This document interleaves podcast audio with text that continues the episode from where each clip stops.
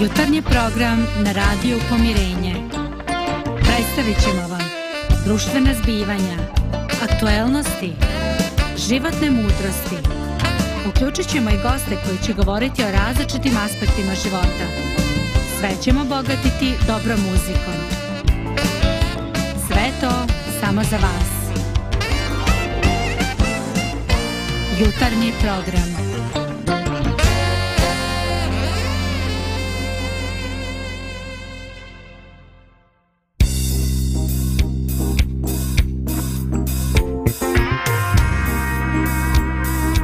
Radio Pomirenje.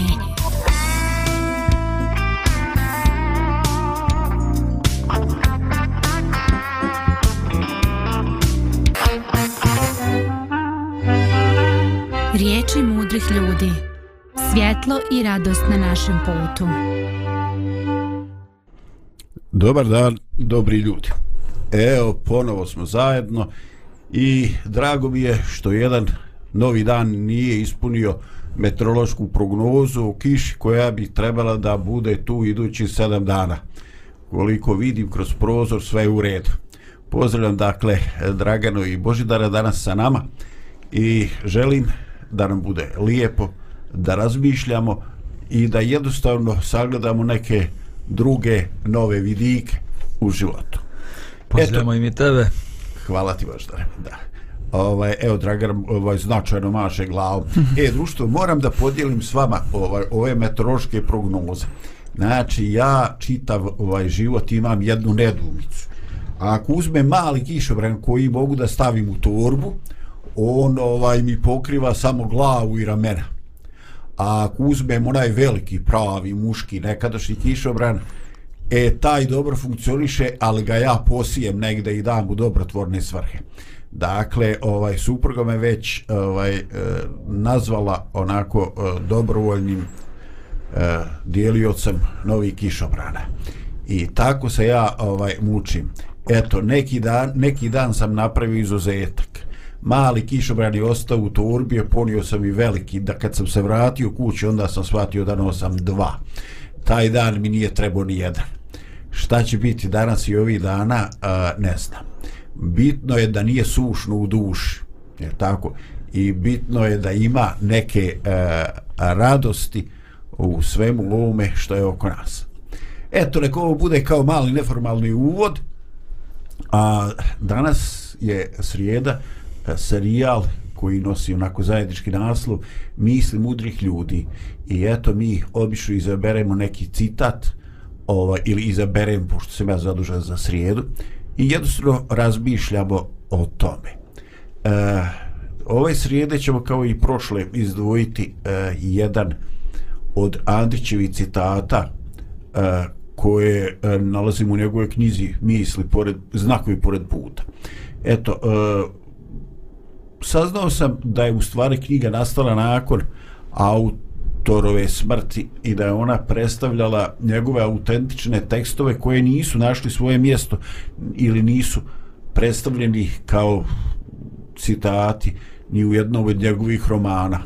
Dakle, to je bio kao neki dnevnik ovaj i to je na svu sreću prvenstveno, eto, ka rekao bih moju, to je ovaj e, sastavljeno i dobili smo jednu knjigu.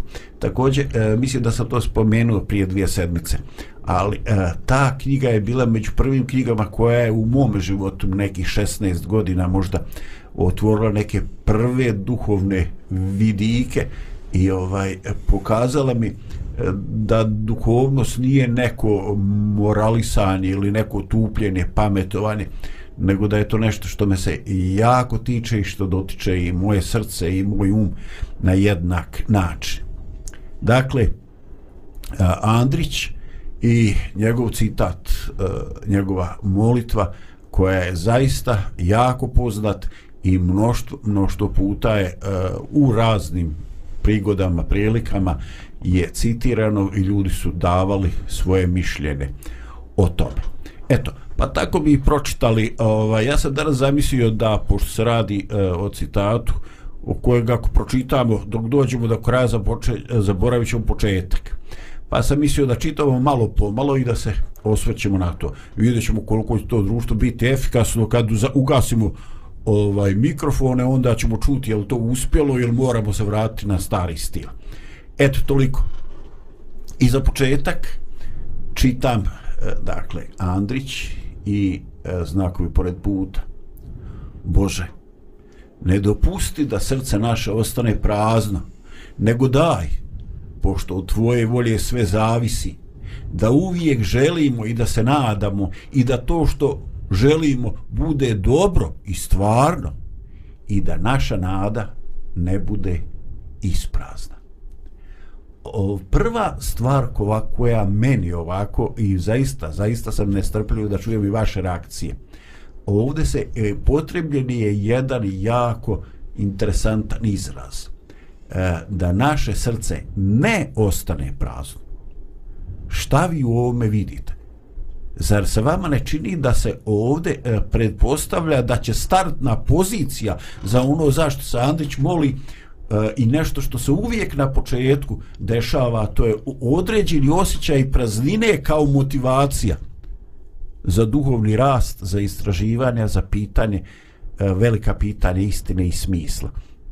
Ali pogledajte, ovdje se kaže, ne kaže da ne osjetimo prazninu, nego naprotiv, da naše srce ne ostane prazno.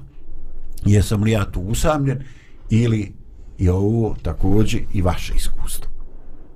Hm. Da, da, da, ovo što si i rekao, znači, nije rekao da, da ne postane prazno, nego jednostavno da ne ostane kao što je sada prazno. Za svakog koji, koji traži neki smisao i ispunjenje u životu, neku, nešto ljepše, neku nadu, ovaj, e, dosta njih e, dođe do neke ograde, do nekog zida, do neke praznine kada, kada pomisli da li ima išta bolje u ovom svijetu i onda, onda malo žešće traži tu, tu nadu i ljepotu u životu, znači smisao života. Znači, e, rijetko ko da, da, da je na lijep način došao do toga, obično nas nešto, što ja kažem, pukne i treba nas da, da nas zaboli da bismo počeli da tražimo imali išta ljepše od ovoga.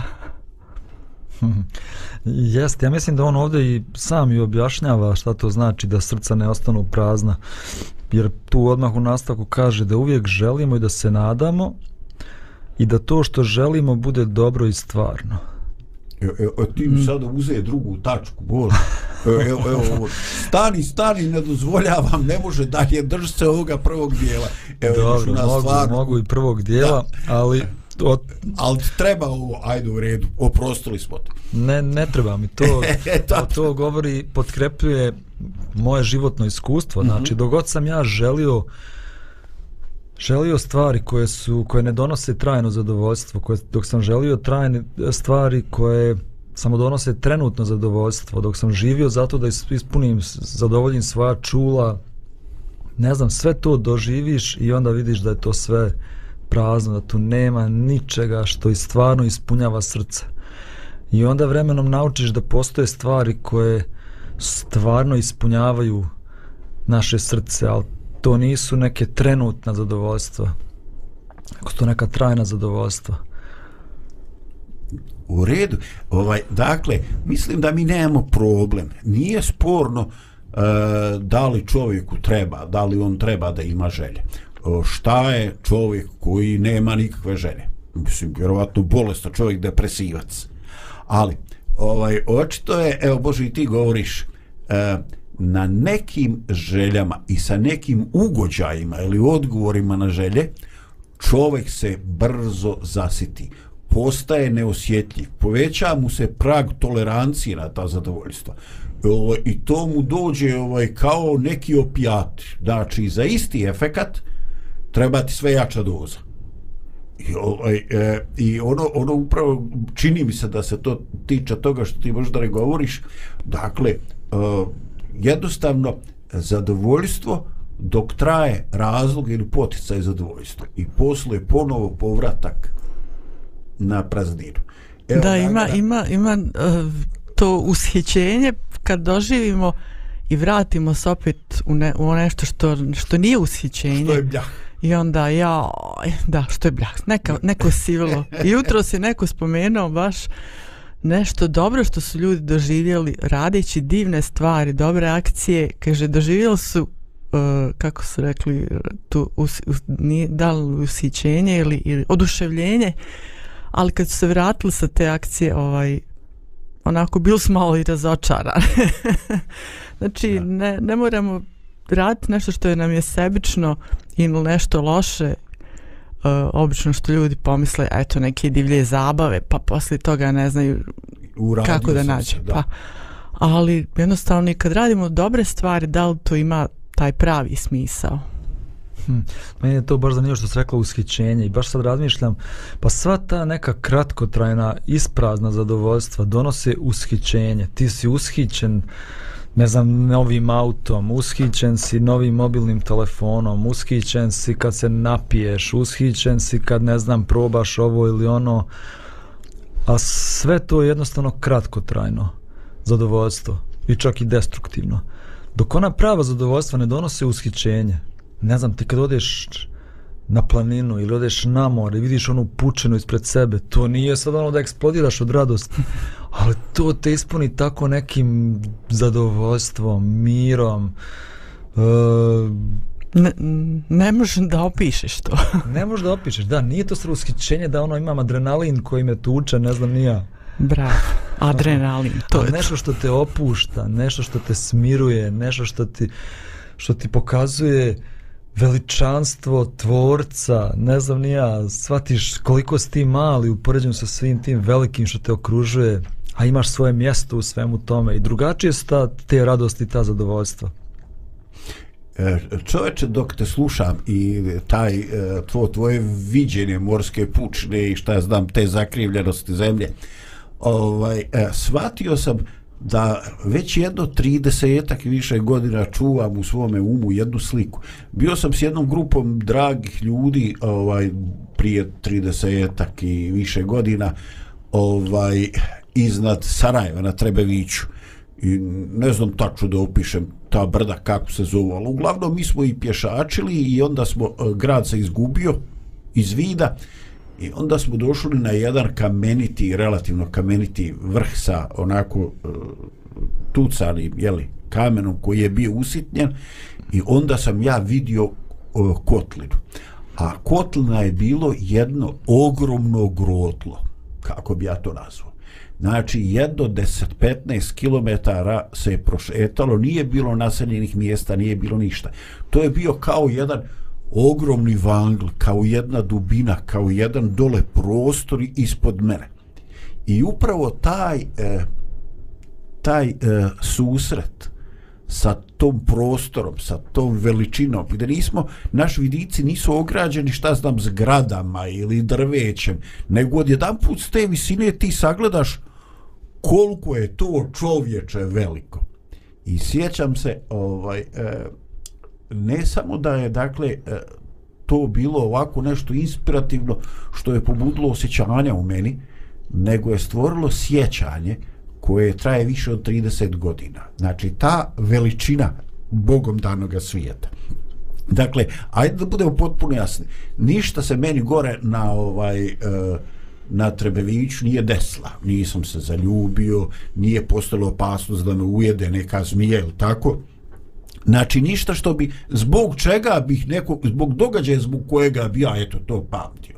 Znači jednostavno ta primjer veličanstvenog prostora i veličine i mene malog bića kome udara srce u tom ogromnom prostoru.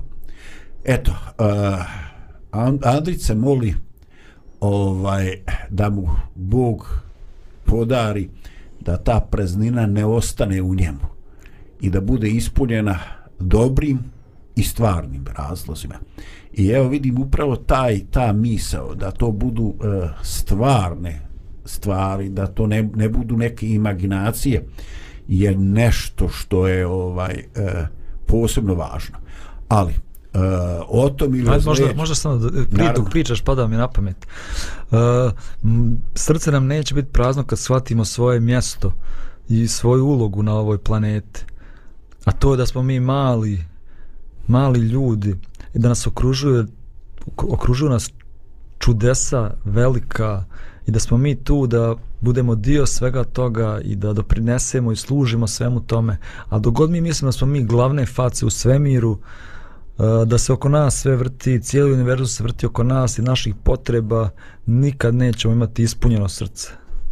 Hvala ti Bože. Ajde reko bude uvertira za našu uh, muzičku pauzu.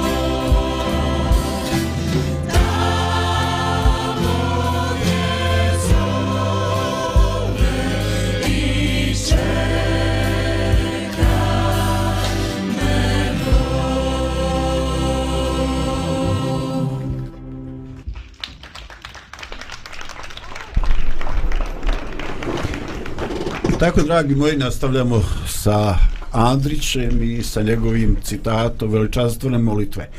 I evo i na početku drugoga ovoga dijela e, čitam, dakle, taj citat e, iz knjige Znakovi pored puta. Daj da predmet naših želja bude viši i ljepši od našega života i da se dobroj nadi nikada ne iznevjerimo zbog kratkih i vidljivih ostvarenja koja zaklanjaju vidik i lažno obećavaju odmor. Čoveče, ne znam kako vi, ali ja ovo kad sam pročitao, ovo je mene na neki način, ovaj, neću reći dotuklo, ali pogodilo jeste. E, ostvarenje pojedinih želja koje mi u životu definišemo i želja za koje se Andrić moli da one uvijek biju makar nešto iznad našeg života, da budu ljepši i da budu u dobroj nadi. I onda pogledajte, on tu težnju da želje budu malo bolje od realnosti, e, on na neki način još tome dodaje i prepoznaje jedno iskušenje. A to je trenuci koje mi identifikujemo kao one u kojima smo mi nešto od svojih želja ostvarili. I onda se postavlja pitanje e, zašto se ostvarenje željenog naziva kratkim i varljivim. Eto, je li to samo Adrić tako doživio ili je to nešto opšte ljudsko što možemo i mi potvrditi u našem životu? Hm. Pa evo, ja mogu jednu ispovijest svoju da, da a, čitam knjigu Scott Peck Put kojim se rijeđe ide i hmm. onda mi on neke stvari razjasnio u mom umu. On, gov, on govori u jednom poglavlju o važnosti odricanja ili samo odricanja i onda kaže da bi mogao da se odrekneš nečega moraš prvo nešto da imaš uh, da bi se oslobodio svog ega moraš prvo da imaš svoj ego i onda ja razmišljam ostvarenje mojih ti si govorio ostvarenje naših ambicija koje su kratke i varljive ja sam ja sam dugo godina se borio s tim zašto je meni oduzeto nešto što sam ja radio i što sam volio da radim. Uh, vodio sam, ne znam, vodio sam projekat u 120 opština sa 50.000 volontera uh, jednostavno neko je neko je odlučio da me preseli iz tog grada i rekao mi da trebam da se preselim pa vodio sam socijalno preduzeće, javnu kuhinju, pa i to mi neko oduzeo. Ja sam stalno se osjećao kao da, kao da neka nepravda učinjena meni, zato što mi je oduzet ono gdje sam ja bio uspješan, gdje sam ostvario sebe, gdje sam imao neki uspjeh u životu. I čak sam osjećao i neku odbojnost prema ljudima koji su mi to oduzeli. A sada shvatam da i zavidio sam drugim ljudima zavidio sam zašto moj kolega Igor može da radi ono što on voli da radi, vodi, vodi projekat Drumodrom za beskućnike, a ja ne mogu da radim ono što volim da radim. Zašto moj kolega Miroslav vodi javnu kuhinju, a ja ne mogu i tako, stalno sam nekako tako razmišljao, kao da mi je nešto oduzeto. A čitajući ovu knjigu sam shvatio da u stvari možda je Bog osmislio drugačiji put za mene. I možda je trebalo da to sve ostavim da bi se naučio i bolu i patnji i odricanju da bi ja postao bolji čovjek da bi postao širi čovjek da bi Bog mogao da me izgradi u osobu kakvu on želi da ja budem Eto, to je ono kao aj, aj, dobro je, ali idemo dalje a? Da, da, da baš, kao baš da tako rečeno, Baš tako mislim. Iako ja to sad trenutno ne mogu da vidim, ja ne vidim svrhu sada, zašto sad ja sam na ovom mjestu, a nisam tamo gdje sam nekad bio. Ali vjerujem da je to bio neki Boži put i da sam ja možda u prednosti u odnosu na ljude koji još uvijek rade to što vole da rade i koji nikad ne žele da puste to što rade, zato što možda nikada neće nim biti u stanju da mogu da rastu. Da, da, da, u tom je fazom, kao ono sa, sa sa nas ljudi upoređujem sa majmunima. Kad majmuna ono uh, hoće da uzme bananu znači pruži ruke kroz rešetke ili kroz nešto ne znam kroz neki uski prolaz i onda hoće da uzme tu bananu ali ako pusti bananu a, da izvuče ruku ponovo kroz tu rešetku onda će izgubiti bananu a ovako pokušava da, da ima i taj plod i sve. Tako mi radimo inače sa životom. Pružimo ruku, uh, to govorim iz sobstvenog iskustva, znači pružimo ruku u nešto da zgrabimo to i ne puštamo, ne puštamo. I nama stalno dolaze neke poruke um, pusti to, imat ćeš više, bit ćeš bolja.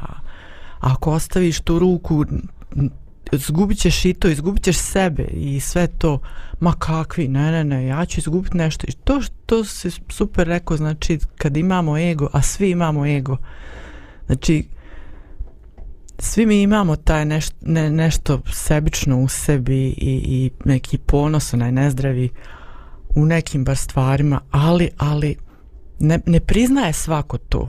Tek kad priznamo ja imam to i to me truje, to je nezdravo, e onda to je prvi korak u mom napredovanju, u mom ozdravljenju, kad vidim koliko sam... Da. Samo suočavanje. E, mislim da se sjetio toga primjera koje si ti rekla, ovaj, e, ta rupa, to je rupa u čupu. Da, baš sam skoro sam naišao na to. Kako oni u, ovaj, tamo uh, love majmune za prodavat turistima. Da, da, da, Čup da, da. sa žitom. I ovaj, to je već iskustveno koliki je gore otvor i on kad gurne ruku i zgrabi šak, on ne može ne može ovaj. Hmm. i oni ga dođu fino i fino ga spakuju evo nama mala privreda ovaj nahvat koliko ste majmuna danas uhvatili. Oni koji nisu htjeli da puste. Ovaj e, da e, u stvari princip je isti. Nebitno je ali očito da je od onaj ne, koji ne zna da pusti nešto što je zgrabio i što mu se čini kao dobitak. Ovako e ajde malo da vas testiram. A, koja je prva asocijacija? E, koja je slika e, iz biblijskih primjera čovjeka koji je eto ispunio neke svoje ovaj želje neke svoje ambicije i onda je rekao je sad je vrijeme za dugi odbor od nastojanja od truda. E sad mogu zaista ovaj da budem uh, rahat. I dok je on tako razmišljao zamjerio se Bogu jer, jer se sjećate tog primjera o kome se radi ili sam ja tu uspio dovoljno da sakrijem objašnjavajući Pa ja sam razmišljao, sad ne znam, evo sad kad pričaš, da, da nije onaj čovjek što je imao žitnice, pa E, stavio taj, taj, žitnice, taj. pa da napravim veće žitnice, pa napunio sve to da ima... za puno godina Za puno godina, pa, da. to lezi, uživaj, naručuj naručuj ovaj grove da ti dolaze gotovu hranu i tako. I ovaj interesantno je da taj osjećaj samodovoljstva upravo ovo što je u prethodnom dijelu citata Adrić govorio e, da jednostavno ne budemo ljudi koji se uljuljkuju u nekom kratkom osjećaju nade, eto, stvarili smo e, i sad kao imamo neki, neki odmor i da jednostavno uživa u tom nekom e, u tom nekom triumfu. I onda kaže, eto super, ti si to ostvario, to je zaista impozantno, e sad ću to Božo da to otmem, jer imam ja drugi posao za tebe, šta si ti htio sad da sunčaš, da budeš na godišnjem še, godin dana, e ne može gotov godišnji 20 dana, ajmo na nešto drugo da se mučiš i da se izgrađuješ. Ovaj, e, e, zaista, da, ok, e, nisam uspio to dovoljno da sakrijem taj primjer, ali očito. E, interesantno da u tom biblijskom primjeru o tome bogatom čovjeku kome je rodilo žito mi zaista e, na prvi pogled ne vidimo u čemu je njegov grijeh, u čemu se on zamirio Bogu. E, vjerovatno u toj nekoj misli o samodovoljnosti, o tome da mu materijalna sredstva da ga čine sigurnim. Ili dolazi ona presuda, evo noćaš ću uzeti dušu tvoju od tebe, a sve što si stekao, kome će ostati i mi smo tako fascinirani kad slušamo neke uh, liste najbogatijih ljudi na svijetu, kad čitamo liste koje nam je cifre koje nam je teško ovaj razumjeti. I onda kao za trenutak da zaboravimo da ti ljudi i dalje imaju dušu u nosu. I da neka sila večeras može des, reći e, dosta je bilo, dosta si disao ideš na odmor a to što si stekao oko toga će da se grože i da se bore kome će da pripadne još gore e, šta uopšte ta pomisao da nam u životu se ne ostavlja puno prostora za triumf, za neki odmor.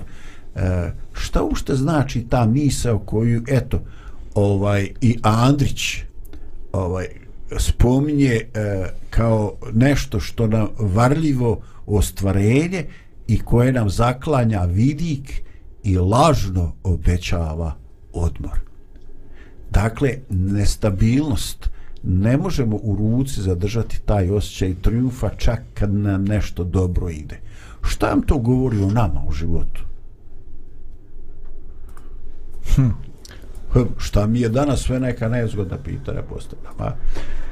Pa dobro, meni to govori da, da životni razvoj, naš, naš životni put, nije da dostigneš neku tačku i da tu sad kažeš evo sad sam uspio, nego cijeli život je rast, cijeli život je napredovanje. Nema sad, dostigo sam i sad sam od, sad odmaram jer sam sve naučio i sve znam. Zato što ovaj život je i priprema za vječni život. I dok god smo živi mi učimo i napredujemo i mijenjamo se. Trebalo bi da se mijenjamo na bolje. Od čega je ovdje u stvari odmor? Odmor, kad kaže odmor, mislimo na neki rad. Ali ovdje se radi o nečem većem. Znači što ti kažeš, to je u pitanju rast. Rast je često bolan zato što mijenjaš tu izrastaš iz te opne koja, koja te već obuhvata i onda mora da pukne negdje i onda je to bolno, ali zato dobivaš nešto što ti baš paše u tom trenutku i onda sve tako ide naprijed. Jel to... Znači, to nije ti ako hoćeš da se odmaraš od nekih iskušenja, a toga imaš do smrti, onda, onda moraš da umreš jedino. Totalno onako da, da te nema, da ne dišeš.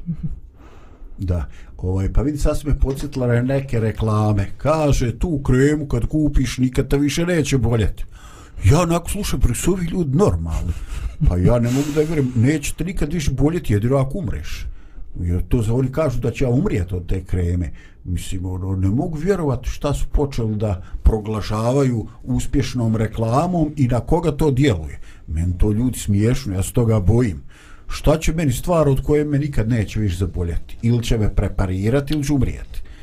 Eto, ovaj, jedno je, jedno je e, sigurno E, dogod postoji naš životni put, čovjek je pozvan da se kreće i ti, Dragara, govoriš o toj nekoj opni, o našoj formi.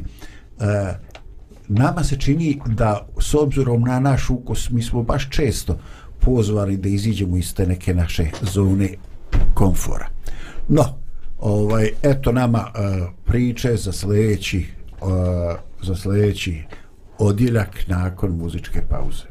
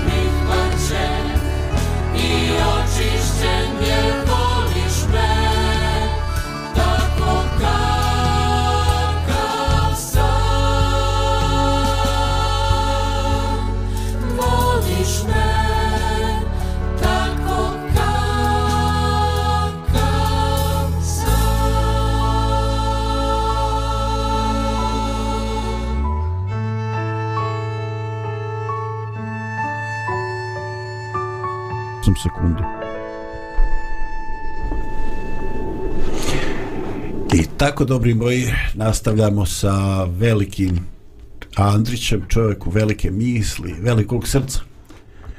Uh, u nastavku njegove molitve on će reći daj nam pravi put s prolaznim posrtanjima i sa mirom i slavom na kraju i daj nam mudrosti i hrabrosti kad nam daješ iskušenja. Eto, zaista čovjek se može zapitati e, želimo pravi put a ta pravi smjer je stalo ispresjecar našim posrtanjima. I mi bi tako željeli da ta iskušenja i posrtanja e, budu nešto što je trenutno a da konstanta bude nešto što je usmjerenost neki cilj kojima smo vođeni. I željeli bi da ukupni zbir da to bude nešto što je pozitivno da vodi ka nekome slavnome kraju onako slavnome možda iz perspektive sveti knjiga slavno u smislu prihvatanja da jednog dana budemo prihvaćeni kao Božja djeca i da budemo spašeni. Dakle, e, koliko je vama trebalo vremena e, u životu da prihvatite da je e, put može biti slavan iako na njemu ima i tih e, posrtanja i iskušenja pa iskreno rečeno i padova. Meni je trebalo dugo, znači. Ovaj, tek zadnjih godina sam onako mirnija, ne zato što je to kad pređeš 40 pa su kao zreli pa te ono mirniji se, nego jednostavno stvarno shvataš ovaj, uh, neke stvari, odrekneš se sebe, pustiš iz ruke određene plodove i ne interesuje te više to, nego jednostavno um, što kažeš, uh, ja sam nekad idealizirala taj pravi put. I mislila sam stvarno kad sam došla do nekog višeg nivoa da, da to neće više boljeti, da neće ovo, da ne, a onda bilo je raznih iskušenja, raznih bolova, raznih, bilo je očajnih nekih trenutaka, bilo je neki perioda depresije. Kako? Ja se pitam, čovječe, kako kad sam pronašla neke stvarno ekstra stvari koje su veće od mene, koje su izvan mene. I opet, pored svega I toga... opet. Kako mi se to, to mora da je moja greška i stalno sam sebe, joj, ja moram ovo, ja znam da se svi mi moramo mijenjati i napredovati, da se nekad pitamo, ok, šta trebam popraviti kod sebe. Ali ovo, ovo je bilo baš pretjerano, znači, šta ja to pogrešno radim? da li drugi nešto pogrešno meni rade i onda uprela sam prst u pogrešne u pogrešnom pravcu dok nisam stvarno shvatila bez obzira što je to pravi put trebaju ti nekad i neki bolovi nekad ti ne trebaju ali se dese ali nastaviš pravim putem Hmm. Bože, jesi Super, tu? tu sam, Ili tu je sam. samo hm tu neki? Aha. Reakcija je hm, hm. Dobro znači da si slušao. Dragara, slušao te je pažljivo.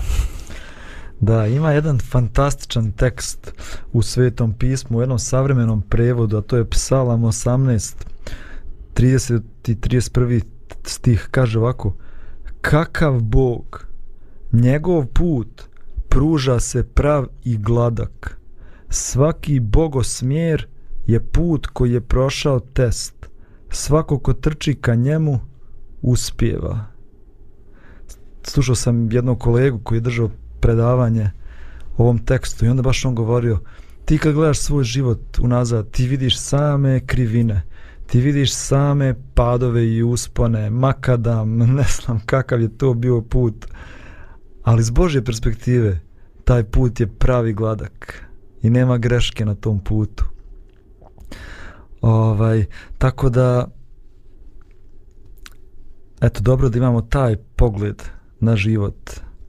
Iako ima tu padova, iako ima uspona s Bogom, taj put je uvijek ravan i gladak. I kraj je dobar, e to sam isto htio da kažem. Tu baš Andrić govori da nam kraj, kako je rekao, da kraj bude slavan. I, i slavo, s mirom i slavom na kraju. S mirom i slavom na kraju. Znači, poenta života da na kraju doživiš jedan slavan život. Na ono najbolje da dođe na kraju. A mi živimo tako da da ono najgore dođe na kraju. Ne znam kao onim trkama, imate one trga, trkača koji trče duže staze, ali imate neke kao zovu ih zečevi. Oni su tu samo da povedu trku i trče, ne znam, 200 metara ili 400 metara da bude malo bolji tempo. I oni odmah odustaju. E tako danas mi živimo. Mi smo ovi trkači na kratke staze, ovi zečevi. 200 metara, 400 metara. Uspiješ sa 25 godina nešto, sa 30 godina si već na vrhuncu i onda propas, katastrofa, razvod braka, bolest, ko će znati šta na sve ovaj snađe. Umjesto da to bude jedan lagani tempo, a na kraju slava.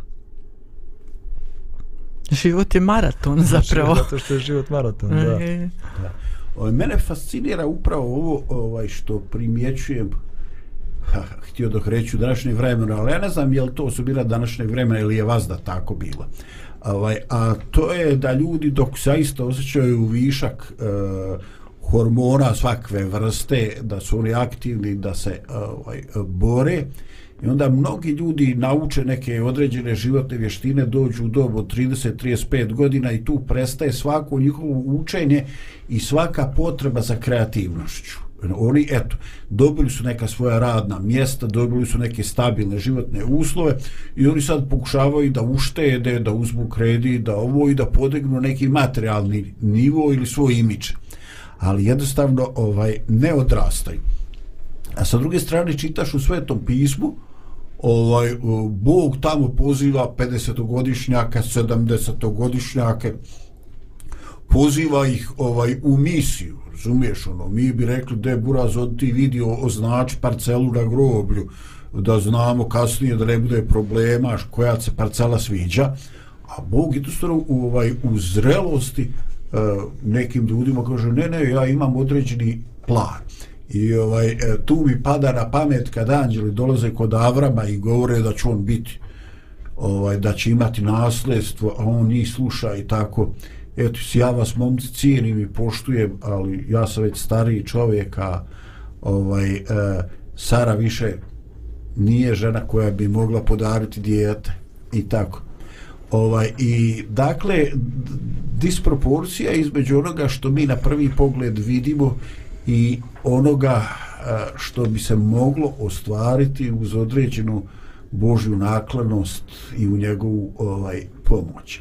Dakle, ako nešto mogu da potvrdim i sa čim se slažem, ovaj, a to je svaki period života a, omogućava čovjeku da kreativno stvara postoje razlike u njegovoj sposobnosti, u ritmu, u, postoje različita sa ograničenja.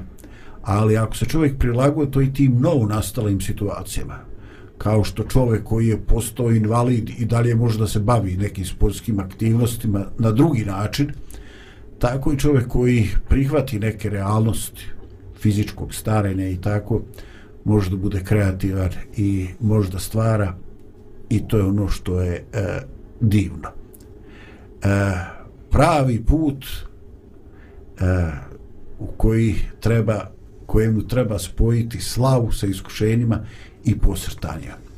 I kaže Bože, kad dolaze ta iskušenja, daj nam mudrosti i hrabrosti. E, kako vi vidite to? Meni se čini da ta mudrost i hrabrost često ne idu ruku pod ruku da postoji period života kad nam je e, u nama dominantna hrabrost bez puno pameti i postoji neki dijelovi života kad mi možda steknemo neku e, mudrost ali jednostavno izgubimo samo pouzdanje previše se povučemo nismo e, više hrabri. E, u čemu je problem? Zašto uh, to dvoje ne uspijevamo spojiti? Zašto uh, gubimo energiju u vremenu kad, bi, kad već imamo neka iskustva? I zašto imamo ogromnu energiju u nekom periodu života a, koju rasipamo u nedostatku iskustva nekako nikako spojiti dva dobra u životu. Ono što meni prvo pada na pamet jeste da većina ljudi e, povezuje mudrost sa nečim mentalnim, znači onako kad razmišljaš o tome pa donosiš odluku, a hrabrost povezuje sa emocijama. Znači to je utemeljeno na emocijama, tako ljudi, većina ljudi razmišlja, ali zapravo i hrabrost je odluka da nešto učiniš. Hrabrost je i dijelo, nije samo što ti u tom trenutku osjećaš neki nemir ili, ili tremu ili strah, ali kažeš onako da to ću učiniti, to jeste hrabro. Hrabrost je um, hrabrost, bar za mene, nije nešto što je kao ranije utemeljeno bilo na, na, na tim emocijama. Mm -hmm. Nego je to, znači mudrost i hrabrost, kako su godine meni prolazile, shvatila sam da to stvarno ide zajedno. Da, da su mm -hmm. neodvojivi jedno od drugu. Jer ne možeš ni biti hrabar, a biti nemudar. Onako lijepo da kažem. Ili obratno. Da. Ako imaš mudrost, onda moraš se i otvoriti, izaći iz te zone komfora. Znači, to, to je povezano. Sraslo jedno sa drugim.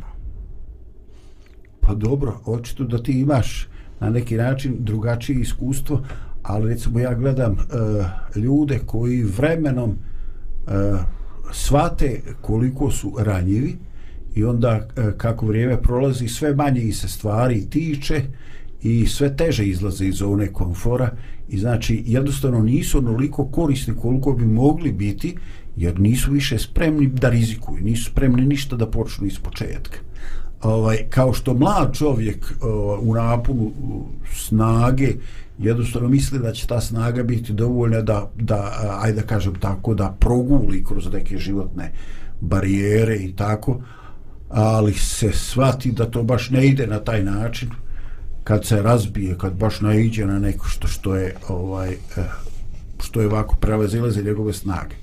E, no u svakom slučaju ideal je i ovdje kod Andrića da to dvoje ide. Samo, samo ste nešto propustili. Zato što on ovdje ne govori o mudrosti i hrabrosti. Već govori o mudrosti i hrabrosti u iskušenju. On kaže daj nam mudrosti i hrabrosti kad nam daješ iskušenja. A mislim da to ima veze s ovim što smo govorili o ravnom putu, krivom putu. Treba nam i mudrost i hrabrost da prihvatimo da taj krivi put je u stvari pravi put. Da sve te krivine života Bog nas vodi kroz njih da bi mogli da rastemo. Da sva iskušenja koja, kroz koja prolazimo, prolazimo zbog određene svrhe i cilja. I da imamo hrabrost da se borimo i mudrosti da znamo na koji način da se borimo sa tim da bismo mogli da uzrastemo i napredujemo. Ja već sam pričao, vodim grupu podrške za ljude koji se bore sa zavisnostima i baš sam zadnji put njima govorio na sastanku. Vi možda mislite da, da ste vi uh, oštećeni, da možda mislite da više bi voljeli da, da nemate ovaj problem s kojima se vi borite, da nemate vašu zavisnost, ali možda je ta zavisnost prednost za vas odnosno na druge ljude.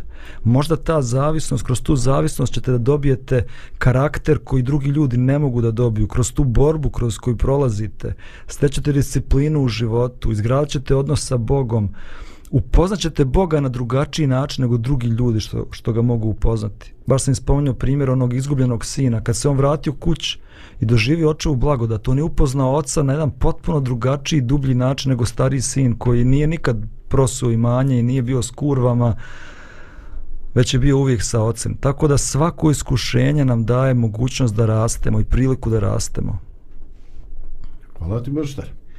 Ništa, a imamo još jednu pauzu prije našeg završnog razmišljanja. U tvojim rukama je cijeli život moj. Znam da ti si sa mnom kroz bol kad prođe prolazim Moja si utjeha Moja si utjeha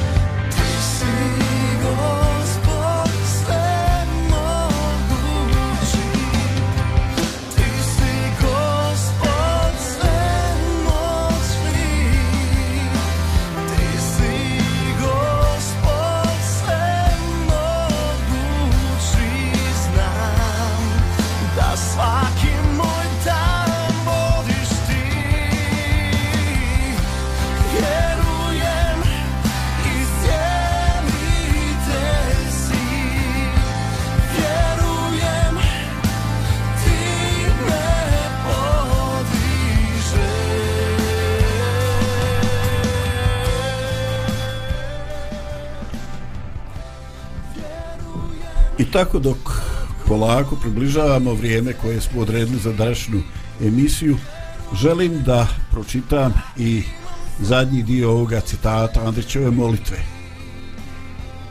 Ima kuda išli i lutali, ne daj da na kraju ostanemo iznad tvoje sveobuhvatne harmonije, jer to svake sekunde, na svakom mjestu, svakim djelićem bića živjena.